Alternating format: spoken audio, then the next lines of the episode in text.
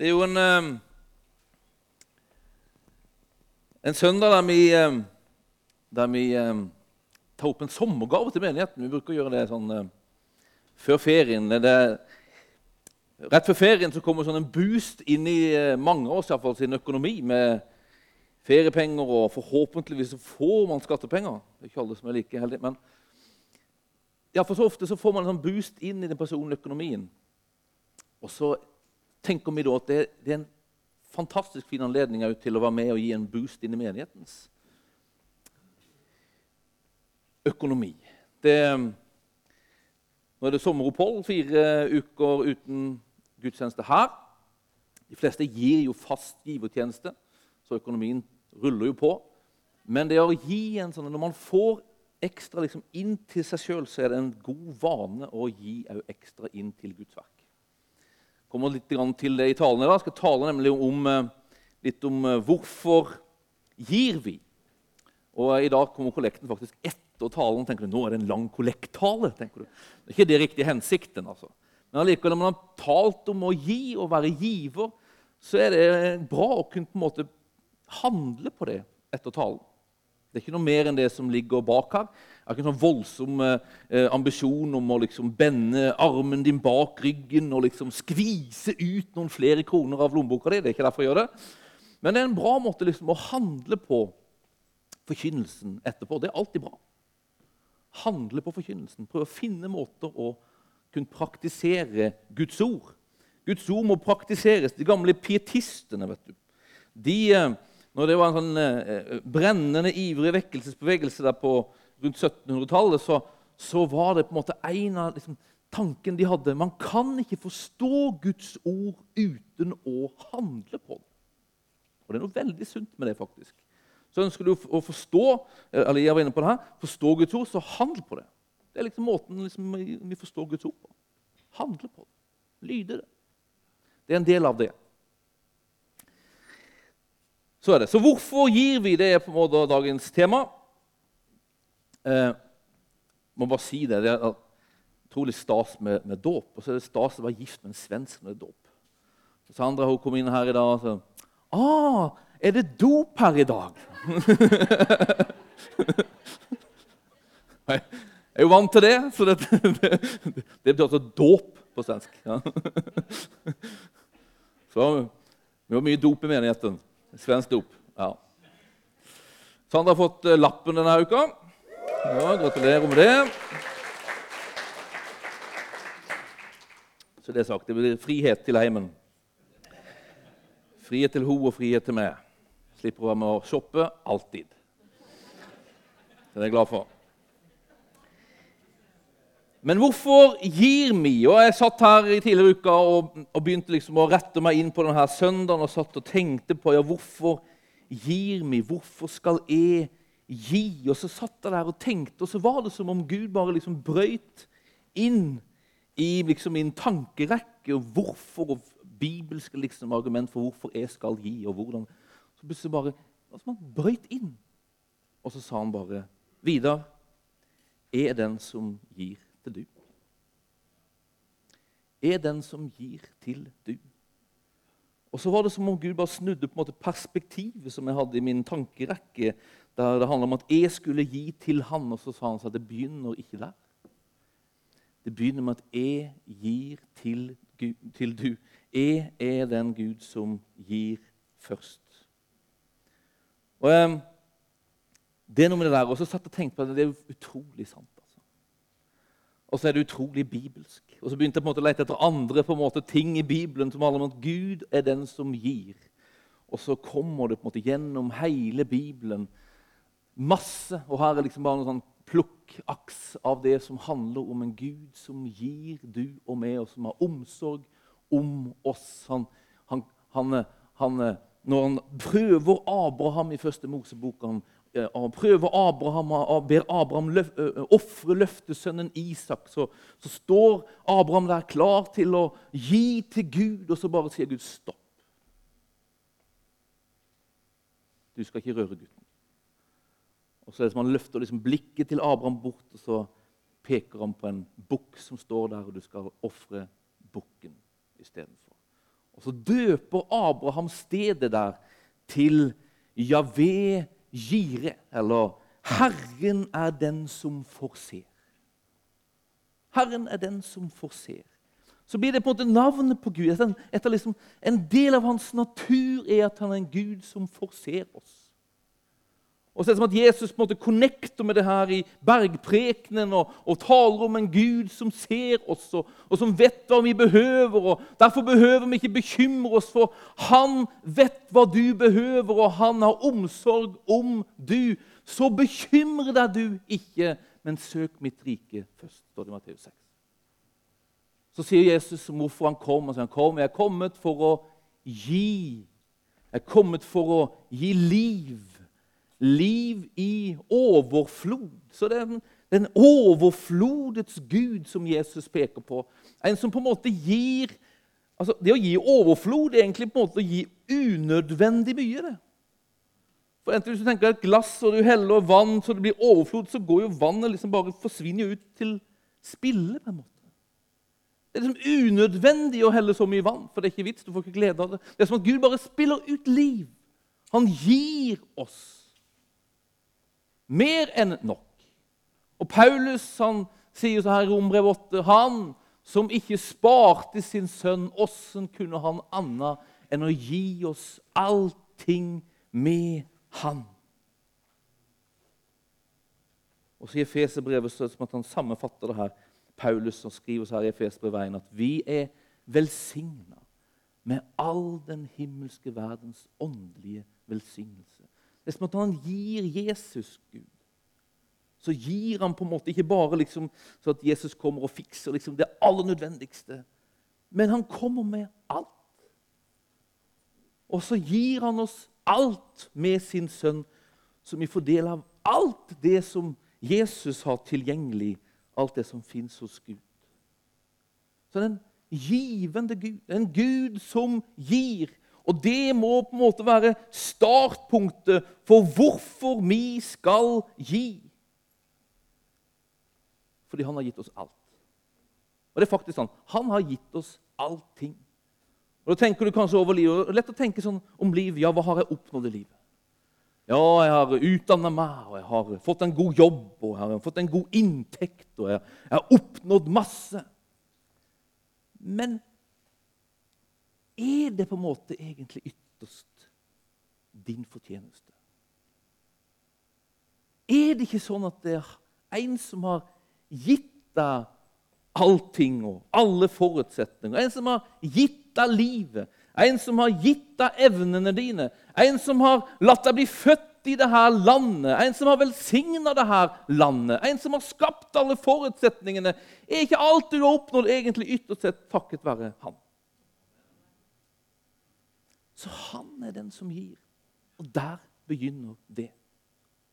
Der begynner grunnen til at vi skal gi. Hvorfor skal vi gi? Ja, vi er kalt til å ligne han, for det første. Vi er kalt til å gi derfor at han gir. Hvorfor skal vi være givere? Er det for å få? Er det for å få? Ja, Bibelen prater masse om at den som gir, den får. Så det fins en sammenheng mellom å være giver og, som, og en som får. Det fins en sammenheng på samme måte som at det fins altså, jeg tenker om alltid Når jeg prater om å, om å, gi, så skal du få, så er det veldig mye lettere å, å, å gi tilbake til han som er åpen. Og Gud er en Gud som vil gi. Gud er en Gud som vil være en giver inn i ditt liv. Han vil at alt han har for du skal få bli del av ditt liv, skal bli en erfaring for du. Og så er det som at For at han skal kunne gjøre det, så er han avhengig av en åpning i livet ditt. Og så er det på en måte det å gi det som skaper åpningen. Altså Det er som at det er handa som gir, den er åpen for å ta imot. Mens den handa som tar og beholder, er stengt for å ta imot. Så det fins en sammenheng mellom det å å gi og det å få. Men er det grunnen til at vi skal gi? Bare fordi vi skal få? Jeg tror ikke det er på en måte, det er iallfall ikke så begrensa som det. Gud vil ha opp oss på et høyere nivå, kan man si så her. enn det, enn at vi skal bli på en måte egoistiske liksom, givere. Altså, Jeg tror man kan på en måte gi seg inn i fangenskap om man på en måte gir bare for å ville få. For da kliver man på en måte inn i nesten det som er på en måte under pengenes makt. Altså, Jeg tror vi er kalt til å gi for at han skal få makt i livet vårt. Det kommer til det. Så vi må passe oss litt at måte, vi blir sånne som bare blir investorer istedenfor givere. Vi er kalt til å være givere, ikke investorer for vårt eget imperium. Hvorfor skal vi gi? Fordi at gi, det er hjertemedisin. Framfor alt det du bevarer, står det i ordspråkbøkene. Ordspråksboken, det er svensk. Ordspråkene heter det bare. Framfor alt det du bevarer, skal du bevare ditt hjerte. Og det er En del av det å bevare hjertet er faktisk å bli en giver. Jesus han, han sier sånne ting. Det er bra for liksom, ditt indre liv å gi. Ja, sier Jesus, det er til og med gjør deg glad å gi. Det er hjertemedisin å være glad. Et glatt hjerte, et glatt indre. Og vet du hva? Det å gi gjør deg glad. Jeg har faktisk oppdaga det. At det å gi gjør meg glad. Jeg elsker, som jeg har sagt før, måte, å, å liksom sløse penger på, på barna mine, f.eks. Det gjør meg glad, faktisk. Så holder på å lære Theodor på en måte, da, liksom det samme å være en glad giver. Det er ikke like enkelt. altså. Sliter litt med det, faktisk. Han har så enormt mye gaver, for jeg er så glad å gi. så han har så masse leker. vet du. Leker overalt. Rommet er alltid på en måte rotete, for det er ikke plass til alt. egentlig. Så jeg prøver liksom å få Theodor til å tenke på de fattige barna. kjøre den innfallsvinkelen. Tenk på de fattige barna. Tenk på de som blir glad. Blir ikke du glad når du får, eh, Theodor? Jo, det blir han. Tenk på hvor glad noen blir når du gir noe til dem. Ja, det er han med på. Helt til det kommer til punktet da han skal liksom finne noe han kan gi av alt det han har og ikke bruker. Og han ender alltid opp med noen sånne her ting. Det. Det en, gang, en, gang, jeg gjorde holdt på med det der og forsøkte liksom, å tenkte nå har han på, liksom, på sporet her, og så skal han finne ting som han skulle gi vekk. Så kommer den skåla der. Og det er det eikenøtter og noen stein og sånne ting som han har funnet, den kunne han få. Det var en gutt i klassen han hadde tenkt på. Den skulle den gutten få. Jeg tenkte jeg ja, det er ikke sikkert den gutten blir kjempeglad for det, og kanskje ikke foreldrene blir kjempeglad for det. Og faktisk er jeg ikke helt sikker på om Theodor blir glad for det. For jeg tror faktisk at gleden ved å gi hører sammen med hva du gir, og hvor mye du gir. Jeg tror faktisk det. Men det er en del av hjertemedisinen, det å bli glad det er noe det å gi gjør med oss. Og så hjelper det oss å ha hjertet på rett sted. Hver gang jeg leser det sånn, med hjertet på rett sted, tenker jeg på med hjertet på rette sted. så det er greit. Da husker du det. det er hjertemedisin. Den får at det hjelper oss å ha hjertet på den rette staden. Altså. Og Jesus han sier så her i, i, i, eh, i Matteus 6 så sier han, Der din skatt er, der kommer ditt hjerte å være. Altså, Der du plasserer skatten din, det kjæreste du har, der kommer hjertet ditt til å være. Jeg likte bildet der, faktisk. Det er liksom man, Føttene går i retningen som pengene er sendt eller gitt eller går i. Og Det er jo sånn det at vi, det vi på en måte er glad i der, der plasserer vi gladelig penger. altså. Sløser gladelig penger. Jeg husker når jeg og Sandra var, vi var nyforelska, vi var, var eh, forlova etter hvert. Og vi sløste virkelig. Vi hadde, var, var, ikke i en posisjon vi kunne sløse. Vi var fattige studenter begge to. Jeg hadde ikke studielån engang. men, men vi, vi, ga jo liksom ufornuftig mye til jul. Jeg husker vi skulle gifte oss. I Sverige er det dyre vaner når det gjelder eh, giftermål. for skal ha, Damene skal ha to ringer. Og så var det så Sandra hadde jo sett på en måte ut sin ring. Og det var en ring med fire eller fem diamanter på. Den koster jo tusentalls kroner, altså. Men jeg var jo så forelska. Jeg elska jo Sandra og tenkte selvfølgelig skal hun ha en ring til mange tusen kroner som vi ikke har.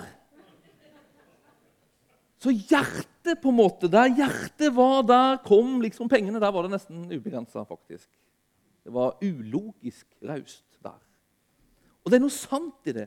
Men så er det liksom som at han sier på en måte noe mer der.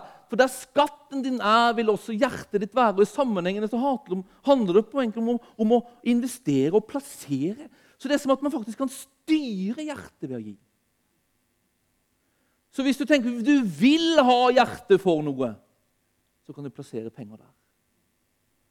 Og hvis vi gjør en sånn ransakelse Hvor er hjertet mitt? Hvis du ser på mitt pengeforbruk, viser hvor jeg har hjertet mitt, så kan man bli litt sånn mørkredd, faktisk. Jeg tenkte på det. Hvor mye bruker jeg på meg sjøl? Hvor mye bruker jeg på andre? Hvor mye bruker jeg på Guds rike? Og så hvordan er forholdet de imellom? Hvor er hjertet mitt egentlig? Men så er det som at det å gi blir et slags verktøy for å korrigere det. For å korrigere det. Så du kan gi så hjertet ditt havner rett. Så du kan gi så hjertet ditt havner på rette sted.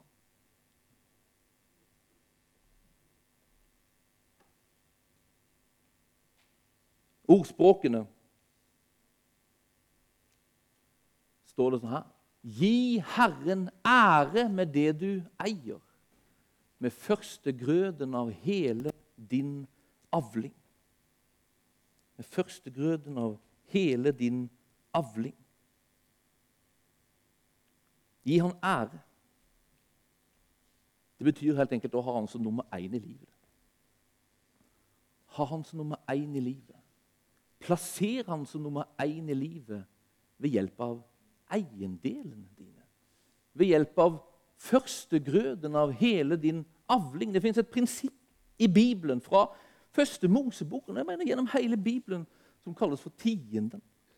Som handler helt enkelt om at man gir det første av det man får inn. På den tida var det avling. Det var en jordbrukssamfunn.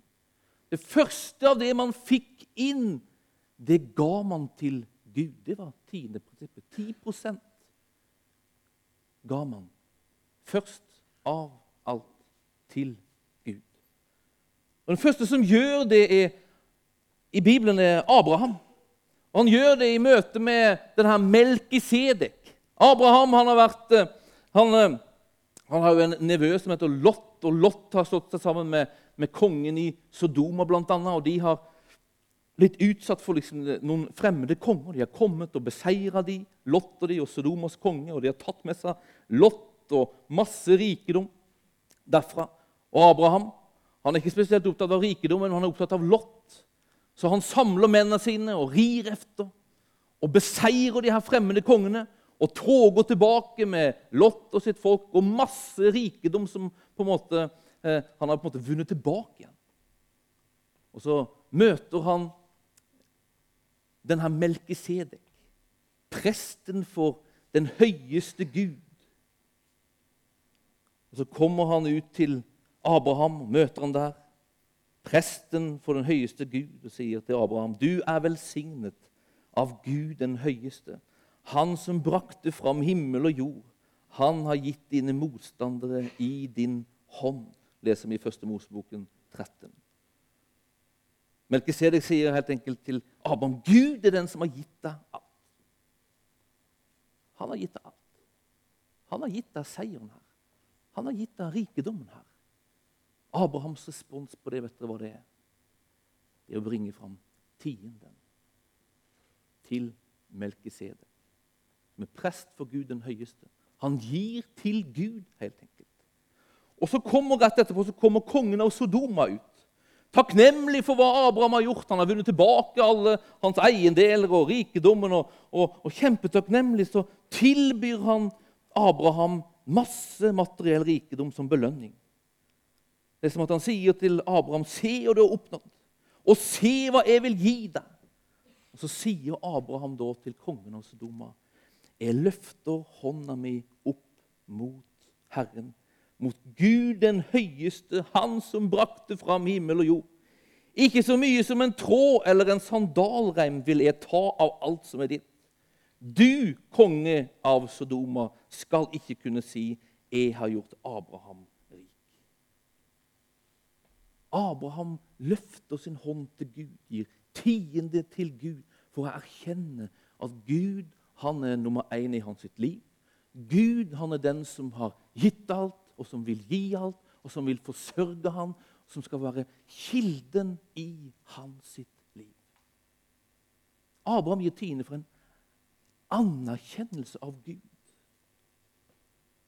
Han gir tiende for å plassere Gud som nummer én og som kilde i sitt liv. Der tror jeg tiende prinsippet liksom kjerne.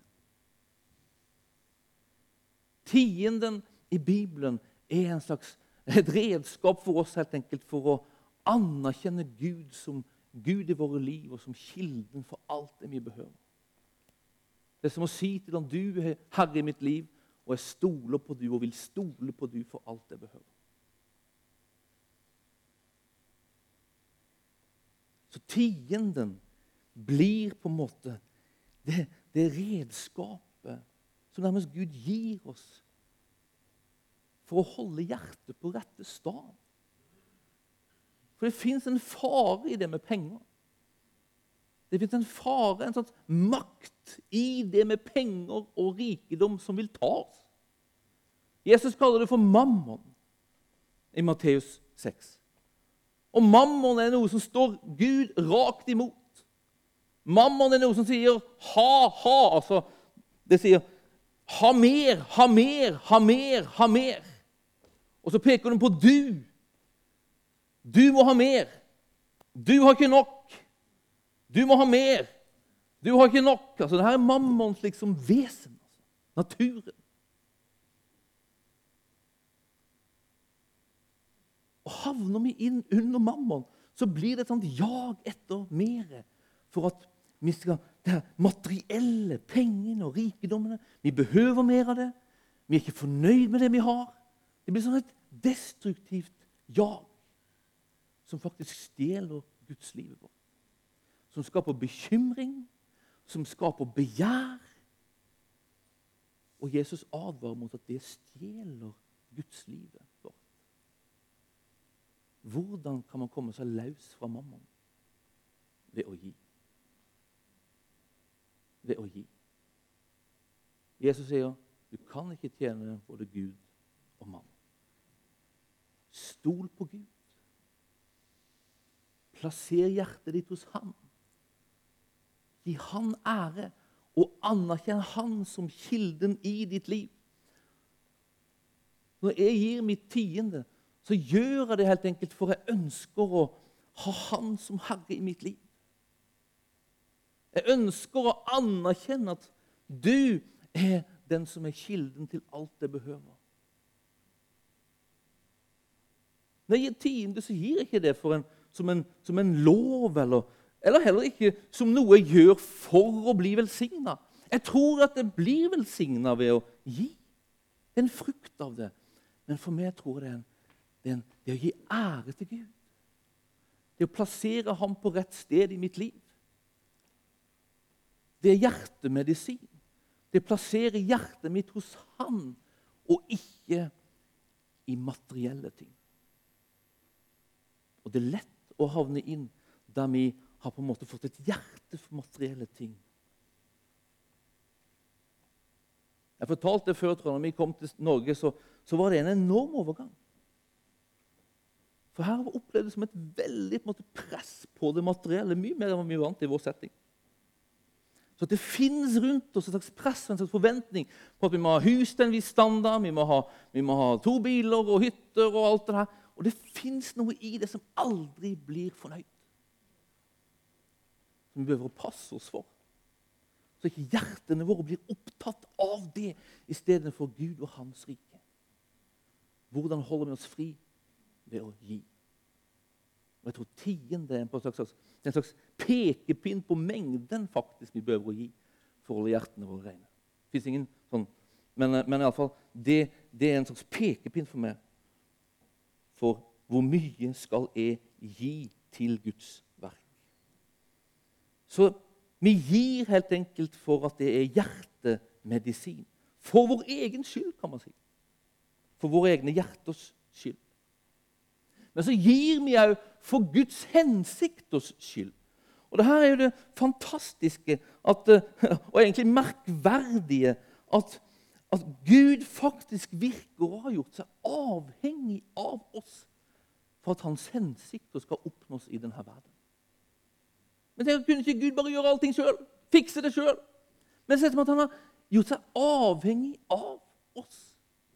Og Vi ser det gang på gang. Når Gud vil ha gjort noe, så kommer han til hans folk og sier 'Jeg vil ha gjort noe'. Vil du være med på det? Han kommer til Moses. Dette er jo Moses og den brennende busken, men Han kommer til Moses på Sinai-fjell og sier så her 'Jeg vil bo blant mitt folk'. Jeg vil at det skal finnes en, en sånn helligdom blant dere, et telt der jeg kan bo med mitt nærvær og herlighet blant mitt folk. Jeg ønsker det, men jeg er avhengig av dere for å få det bygd. Og så ser vi der i andre Moseboken at, at, at, det bygges helt enkelt ved at Moses sier at den som har gaver, den som Kom med det dere har. Den som liksom vil bringe noe fra sitt hjerte og, og bidra, kom med det. Så bringer folket frivillige gaver fram for Moses. Nok til at teltet skal bli bygd. Og så kaller Moses på mennesker som har spesielle gaver gitt av Gud, for at de skal bygge det. Gud bygger sitt verk, sitt rike, gjennom oss. Har alltid gjort det og vil alltid gjøre det. Når Jesus forlater oss, så gir han oss jo misjonsbefalingen. Hans drøm, hans lengsel for verden, det, det leser vi hos Paulus. Det at alle mennesker skal bli frelst. Åssen skal det gå til? Jo, dere skal gå ut. Dere skal gå ut. Han er avhengig av oss. At vi er villige, at vi vil bidra for at hans hensikter skal få skje i denne verden. Det er jo ganske stort. da. Samtidig er det ganske alvorlig. For hva bruker vi tida vår på? Hva bruker vi pengene våre på? Hva bruker vi gavene våre på?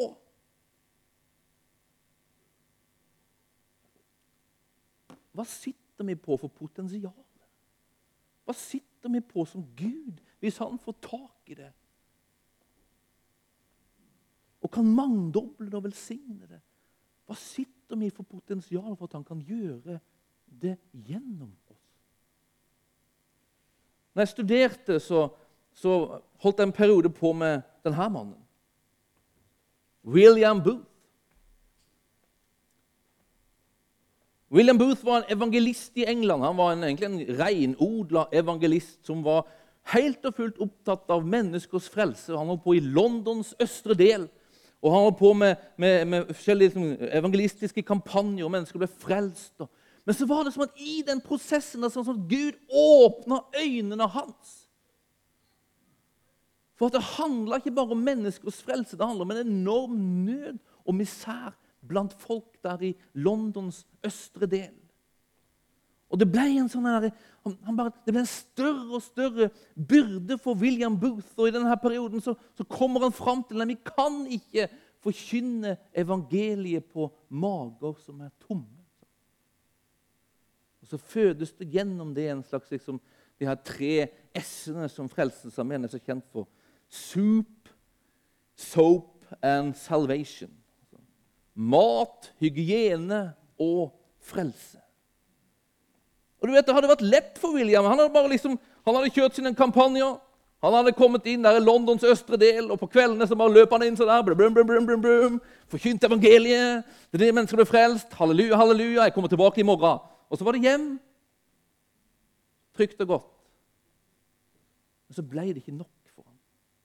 Det er som at Gud det som legger en slags byrde som er større enn bare menneskers frelse. Han legger menneskers nød og misær på William Booth. Og Så vokser det seg fram, og så begynner øynene å, å, å, se lengre og større enn bare Londons østre del. Og så, så begynner han å se på England, og så begynner han å se på misæren. Og så begynner han å se at stor del av samfunnet i England er egentlig helt utenfor samfunnet. De er falt utenfor. De er fortapt. Ikke bare i forhold til Gud, men i forhold til samfunnet. De har ikke steder å bo, de har ikke jobb, og de har ikke mat. Det er nød uten like. Og til slutt så ble det umulig for William ikke gjøre noe. Altså Gud viser et, en hensikt han har, en tanke han har, og så begynner han å banke på William Booth sitt hjerte. Og Så gjensvarer William Booth og så skriver han en bok som heter 'I mørkeste England'. Det mørkeste England, det var det her samfunnet fullt av nød. I mørkeste England og veien ut. Og Så blir det en sånn programerklæring av soup, soap and salvation. Og så I den boka så merker man at William ser at det her er ikke nok for han sjøl. Det her, det, her, holder ikke med han. Og det holder ikke heller bare med den armeen som han har på en måte skapt i Frelsesarmeen. Men den kallelse her til kirka i England. Og så sier han noen ganske tydelige, radikale ord. Han er ganske tydelig og radikal, William Booth. Han var det på 1890-tallet. Så skriver han i boka så sier han så her Er det ikke på høy tid at kirkene for et øyeblikk glemmer all sin krangel om den ene eller andre læresetningen og konsentrerer hele sin kraft på en felles anstrengning for å avhjelpe all nøden rundt seg? Og for å i det minste redde noen av dem som de sier seg tro at deres religionsgrunnlegger Jesus ga sitt liv for. Det kan jo være en slags profetisk signal til kirka i vår tid. Så sier han videre så her Det finnes rikedom nok og så prater han om blant oss kristne. Det finnes rikedom nok til å muliggjøre en sosial pånyttfødsel i den grad penger kan gjøre det. Om det bare finnes nok hjerte og mot til å sette i gang det verket på fullt alvor, sier han. Om det bare finnes hjerte nok og mot nok, så fins det ressurser nok.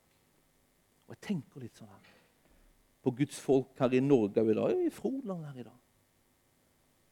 Jeg tror det fins ressurser nok. Jeg tror det fins gaver nok fra Gud lagt ned i oss. Jeg tror det fins evner nok. Jeg tror det fins penger nok. Jeg tror det fins tid nok til å snu Froland på hodet. Det tror jeg. Jeg tror det fins nok, til og med bare liksom i, i, vårt hus, egentlig nok til å snu hele Norge på hodet. Gud har lagt det der. Og så er William Booth sin utfordring fins det mot nok. Og fins det hjerte nok? Fins det et folk som har lagt sitt hjerte på rette sted Og fins det et folk som har mot stoler nok på den Gud som sier at han forser, som sier at han gir, som sier at han har omsorg, og som sier at han går med, til å sette våre ressurser, våre gaver, våre kallelser, våre penger, våre, vår tid i bevegelse av den drøm og den hensikt som Gud har med oss. Jeg tror Gud har en drøm og en hensikt med oss. Og jeg tror at vi lever den i viss grad. Men jeg tror det fins langt mer. Jeg tror det fins mye mer på Guds hjerte for vår menighet enn det vi lever i dag. Jeg tror det. Jeg vet ikke om du er enig, men jeg tror det. Vi ser utrolig mange fine ting skje iblant oss. Vi bygger et sterkt fellesskap. Det er viktig for oss å bygge et sterkt fellesskap, en familie, for vi tror at det er på Guds hjerte. Jeg sa sist til Vi fikk et profetisk ord når våre svenske brødre var her, om at vi skulle være et, et hus for en andre sjanse. Altså et nådens hus. Jeg tror vi skal være det. Jeg tror det fins på Guds hjerte at vi skal være et nådens hus. Men for at vi skal bli det, så er det som Gud går på besøk til hver en av oss. Hva har du å bidra med? Og det du har, vil du? Har du hjerte? Våger du? Har du mot til å bringe det inn? Til å gi det til mitt rik og mitt rikes hensikter, for at min tanke og min drøm for dette stedet, for denne bygda, skal kunne skje. Vi ser ungdommer komme. Vi ser han som Alia blir døpt i dag. Fantastisk. Vi ser fine ting. Men Gud ønsker, tror jeg, enda mer. Enda mer. Hvem er redskapene? Hvem har ressursene? Det er mer du. Det er mer du.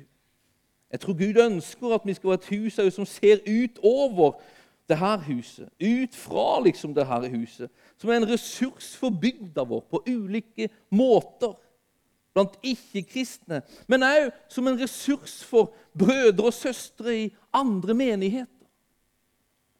Vet, akkurat nå om dagen så får vi liksom rop fra Evje. Thomas han er i Evje. Fins ikke ressurser på samme måte som her. Så kommer signalene. Vil dere hjelpe? Kan dere hjelpe? Våger dere hjelpe? Og jeg tror vi skal det. Det kommer signaler fra Åmli om det samme. At vi har et hus med enormt mye ressurser sammenlignet med veldig mange andre. Og så at Gud ønsker å banke på. Vil du gi det? Og så skal vi få en nåde til å administrere det. Men det begynner med ditt og mitt ja, jeg vil. Ja, jeg våger. Ja, jeg vil bidra med mine gaver, min tid og mine ressurser. I tillit til at Gud kan ta det og bruke det for sine hensikters skyld. At Gud er mer ute etter hjertet ditt enn mengden din. Han er mye mer avhengig av at du har hjerte og mote enn at du har en kjempetjukk lommebok. Han behøver bare to små Er det brød eller fisk? Fisk. To fisk og fem brød. For å mette 5000. Men han behøvde å få det. Han behøvde villige hjerter og et mot til å gjøre det. Det samme gjelder oss. Det samme gjelder oss.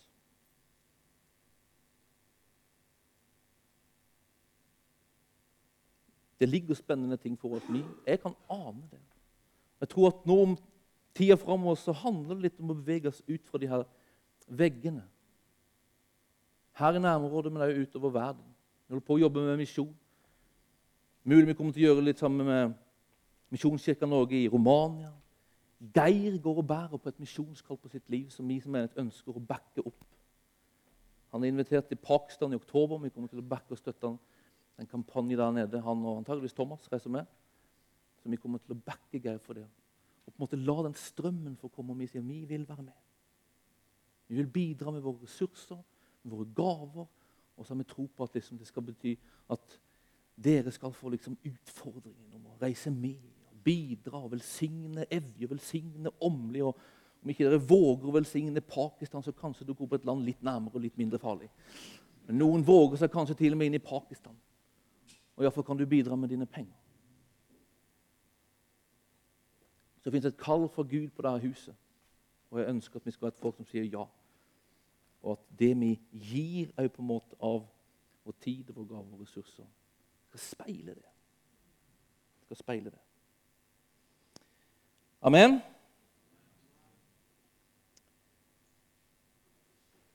Lovsangere. Så det vi skal gjøre nå, helt enkelt, er at vi skal ta opp en sånn sommergave til menigheten. Ikke for at pastoren skal få bedre lønn, eller, men for at Guds tanke og hensikter med det huset skal få bli til. Det skal bli et nådens hus. Det skal bli et hus som får velsigne utover de her veggene her. Nært oss og fjernt fra oss. Som vanlig så kan du gi kontanter. Bøssene kommer til å gå rundt.